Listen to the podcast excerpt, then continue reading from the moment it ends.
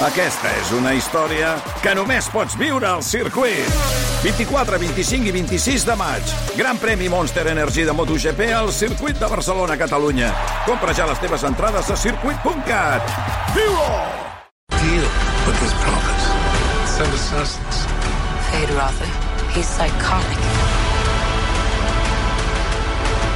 Divendres arriba als cinemes l'esperada segona part de Dune, esperada perquè és la conclusió de l'adaptació del clàssic de ciència-ficció que ha dirigit eh, Denis Villeneuve i perquè aquesta segona part està recollint unes crítiques, però, mm, vaja, una unanimitat d'extraordinàries, algunes coses que s'han escrit de la pel·lícula. Espectacle èpic, prodigiosa, un punt d'inflexió en el cinema de ciència-ficció, o directament una monumental obra mestra.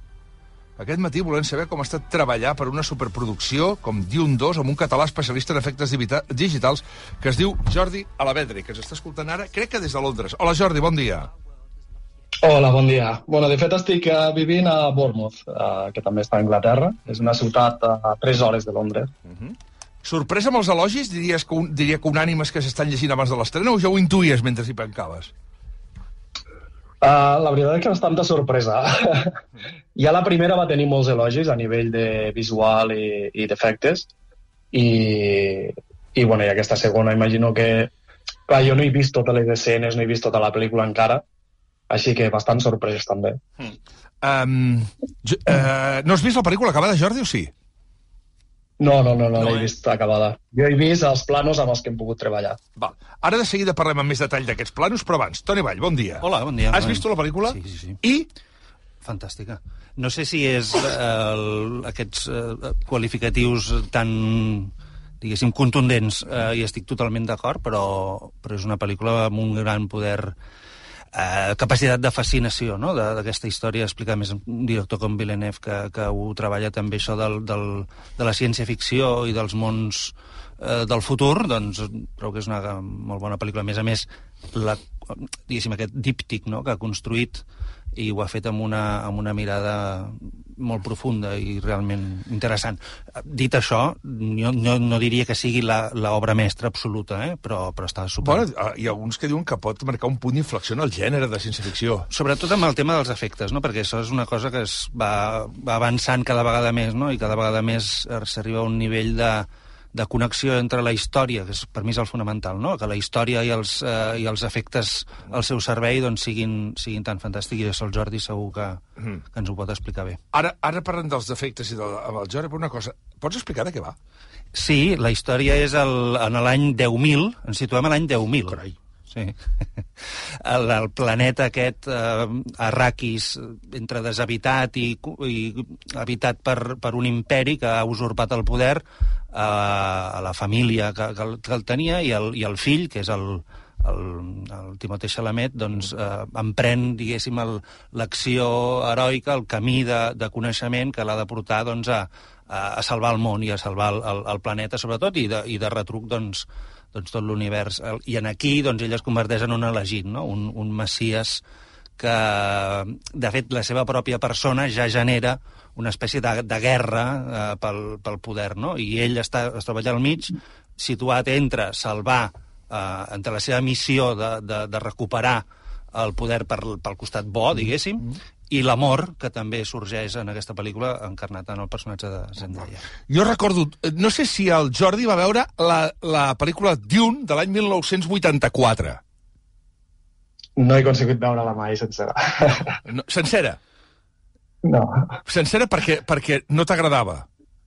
no, no m'agradava. No, no, no, és que a mi, menys mal. Calla, calla, calla. Bé, calla. diguéssim- És que jo, no, jo no he vist la nova Dune 1 perquè tinc un tan mal record d'aquella pel·lícula, el David Lynch, tan mal record, que per cert tenia raó quan m'has dit que m'he equivocat, eh? David Bowie, no, era Sting qui sortia a la pel·lícula, Sting. Bé, aquella pel·lícula no ha passat a la història com la més, eh, diguéssim, més notable de tota la carrera del gran David Lynch. El que sí, jo fa bastant de temps que no l'he tornat a veure, però em diuen que ara que hi ha aquesta nova, no? La, les dues noves, la nova díptic de Villeneuve, és un bon moment per tornar-hi, perquè li troba, potser li trobes més és que gràcies, em va no? semblar una... Un, però, però és que no ho podia suportar. És una cosa molt encarcarada, visualment amb, amb molta força, no? molta estètica, el tema del vestuari, del, dels, de, dels decorats, el, evidentment el món de la ciència-ficció sempre dona per això, no? però eh, jo, mira, si l'hagués de, de, de posar en el, això que fem a vegades, no? dels rànquings de les pel·lícules del David Lynch, la posaria cap al final. Cap al final. Clar, em, em va passar com, el, com amb el Jordi Lavedra, que a mi la pel·lícula és que no m'ha interessat gens. Tu, la pel·lícula, la Dune 1, aquesta segona etapa, sí que l'has vist. Sí, sí, sí, sí, Sí. que l'he vist diverses vegades. Per tant, ah, per tant vol dir que jo aquella que no em va agradar, m'hi puc posar perfectament en aquesta que pot ser que m'agradi, eh? Segur, segur. No perfectament. Jo crec que és una pel·lícula que, a més, eh, divideix a la gent en dos, en dos bandos, a la gent que, li, que hi entre, queda enganxada i, i doncs li agrada molt, i després hi ha pues, el costat que hi ha molta gent que diu que s'hi ha dormit, que és molt lenta, eh, es regala molt amb el tema visual, amb imatges, eh, llavors hi ha gent pues, que, no, que això no, no, no els hi va agradar. I El Toni sí, Cerc que em pot dirà... que no. El, el Toni Cerc em dirà, eh? El Toni Cerc em dirà que és que s'hi ha d'anar, però tu encara més motiu. Amb Oppenheimer es va recomanar molt, també el mateix director, amb el Christopher Nolan, que es veiés la pel·lícula en pantalla gran i a poder ser en IMAX. Suposo que tu em diràs que tant. Dune 2 també, no? I tant, i tant. Val, tu a, a, Sí, sí, sí, clar, per disfrutar al 100% de, de les imatges, perquè a més jo crec que és un dels punts més forts de, de la pel·lícula.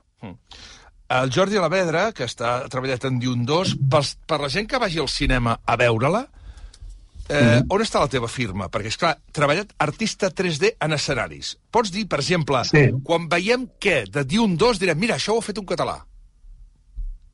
Pues hi ha unes escenes que, de fet, surten al primer tràiler de la pel·lícula, eh, on, per exemple, hi ha una escena que es veu dos exèrcits corrent un cap a, un cap a l'altre, amb un desert, amb uns edificis al fons. Pues tota aquella escena l'he fet jo.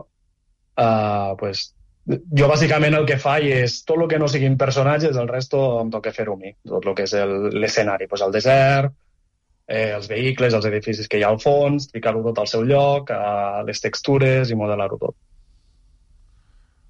I això ho fas sol, aquesta part?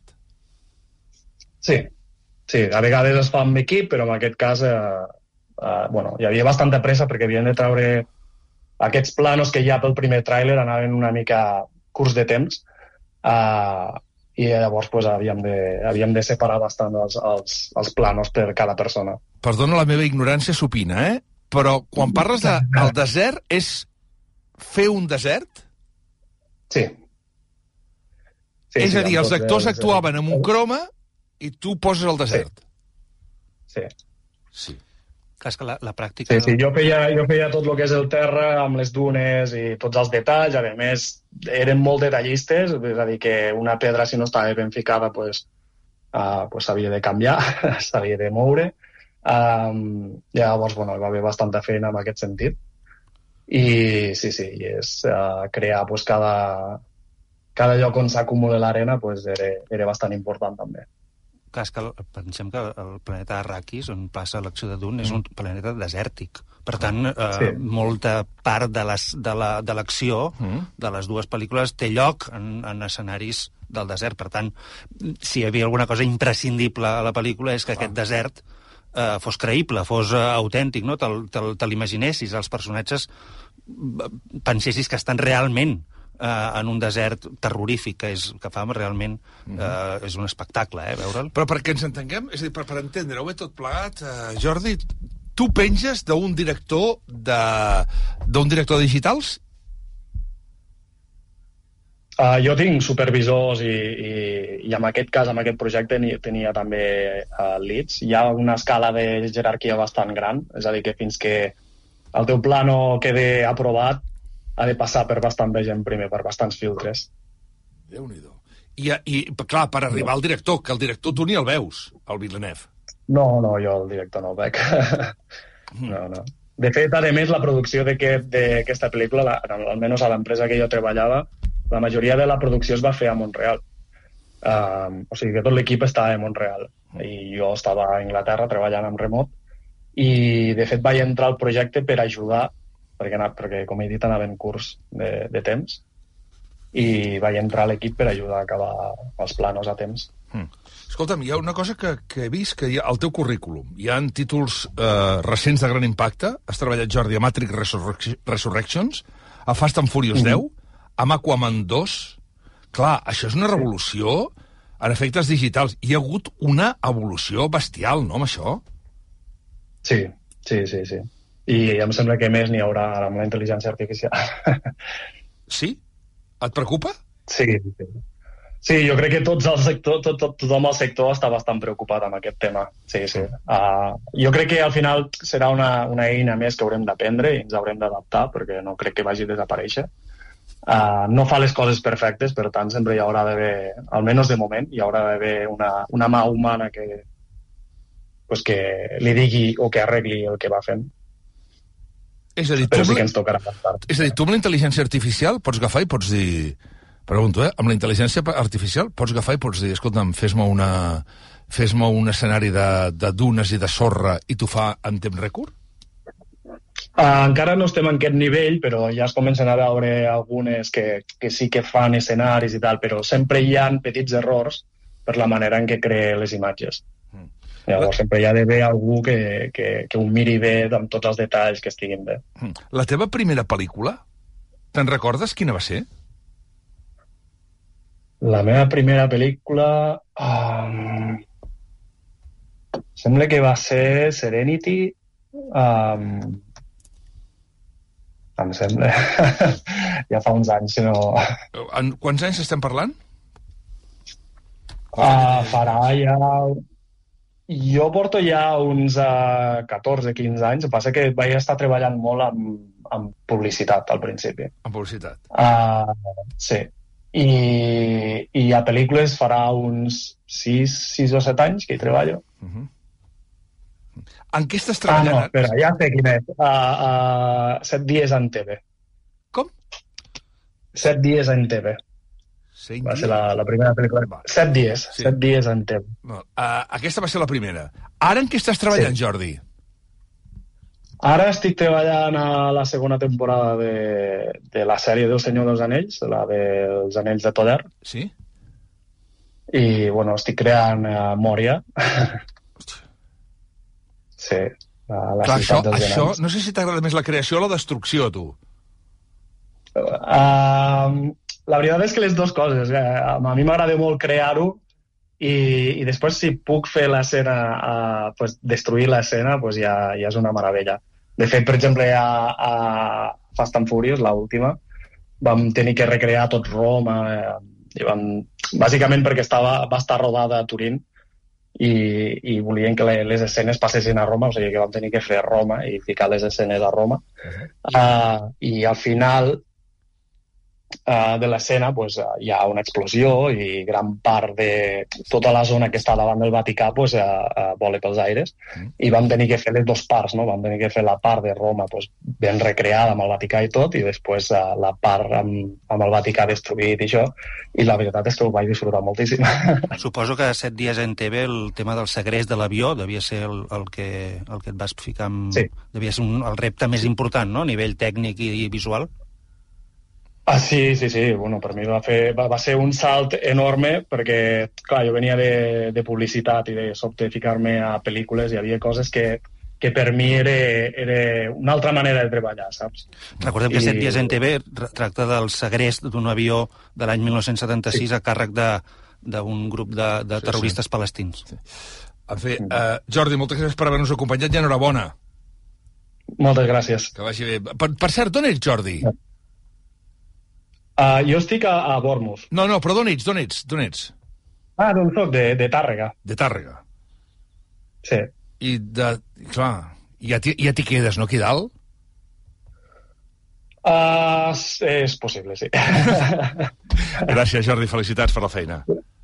Moltes gràcies. Quanta gent en busca cada vegada més, eh? Té feina fora i genis que tenim d'aquest món, del món digital, per exemple, tenim una quantitat de genis donant voltes pel món que hem entrevistat en grans macoproduccions que ens quedaríem parats. He vingut diverses vegades a, Per això, a, per per, aquest això, motiu. per això. Per cert, per cert, el càsting déu nhi eh, de la pel·lícula. El càsting és fantàstic, ja ho era el, el primer, però aquí tenim la Zendaya, que és la, la- l'amor, diguéssim, del, del protagonista, i també la Rebecca Ferguson, fantàstica, que fa de la, la mare del, del Paul, el protagonista, l'Austin Butler, que és el, el dolent, i està realment molt, molt, molt apropiat. I a mi jo tinc eh, fascinació per les actrius d'aquesta pel·lícula, eh? per la, la Rebecca Ferguson, la Zendaya, però també la Le- Lea Seydoux, que fa un paper molt bonic, i la Florence Pugh, que és una, és un, una actriu que ara està molt, molt, molt de moda, ha tingut ja un parell de nominacions a l'Oscar, i l'Anya Taylor-Joy, la protagonista de, de, de la sèrie d'escacs que ara no... La Gambita de Dama. La Gambita de Dama. Que, per cert, que té un petit paper, no, fa de germana del protagonista, i diuen, eh, es, es comenta, diguéssim, ja amb bastanta bona eh, bona, bastanta bona font, que serà molt important en les properes de Dune, perquè no, no es Hi haurà tercera? No es quedarà aquí, sí, perquè pensa que hi ha més de 20 llibres Hòstia. de Dune, per tant, hi ha material per de sobres, eh? Doncs li donaré, li donaré... T'ho juro, eh? M'has convençut per donar-li, no l'antiga, no la miraré, sinó per donar-li una oportunitat a la primera, a veure la primera. La primera del... del, dic si la d'ara, la de fa uns anys. És que aquest... Sí, té un parell d'anys només. Sí. És, eh, és que el Villeneuve és un cineasta realment important. Recordem que és el director, per exemple, de la seqüela de Blade Runner, també de eh, de la llegada, perquè més té, té una mica de connexió, eh? La, la, el amb, amb, una mica no, perdó, molta connexió amb els universos creatius de Villeneuve, un dels directors més interessants d'avui en dia, sens dubte. Escolta'm, uh, surt també uh, Timothée Chalamet. És el protagonista. Chalamet, és el prota, i Bardem. Bardem. Que, que tant Chalamet com la Zendaya com la Florence Pugh han dit que és un personatge fantàstic. El Bardem, eh, he llegit aquests dies, fa, fa uns, fa uns dies, vaig llegir que va llegir la novel·la de Frank Herbert sí.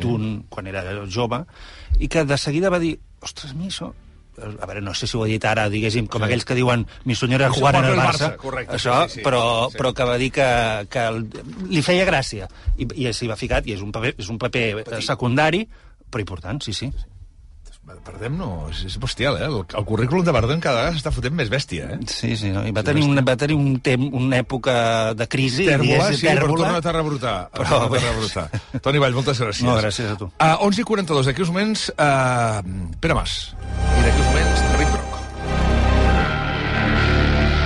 El món a RAC1 amb Jordi Basté.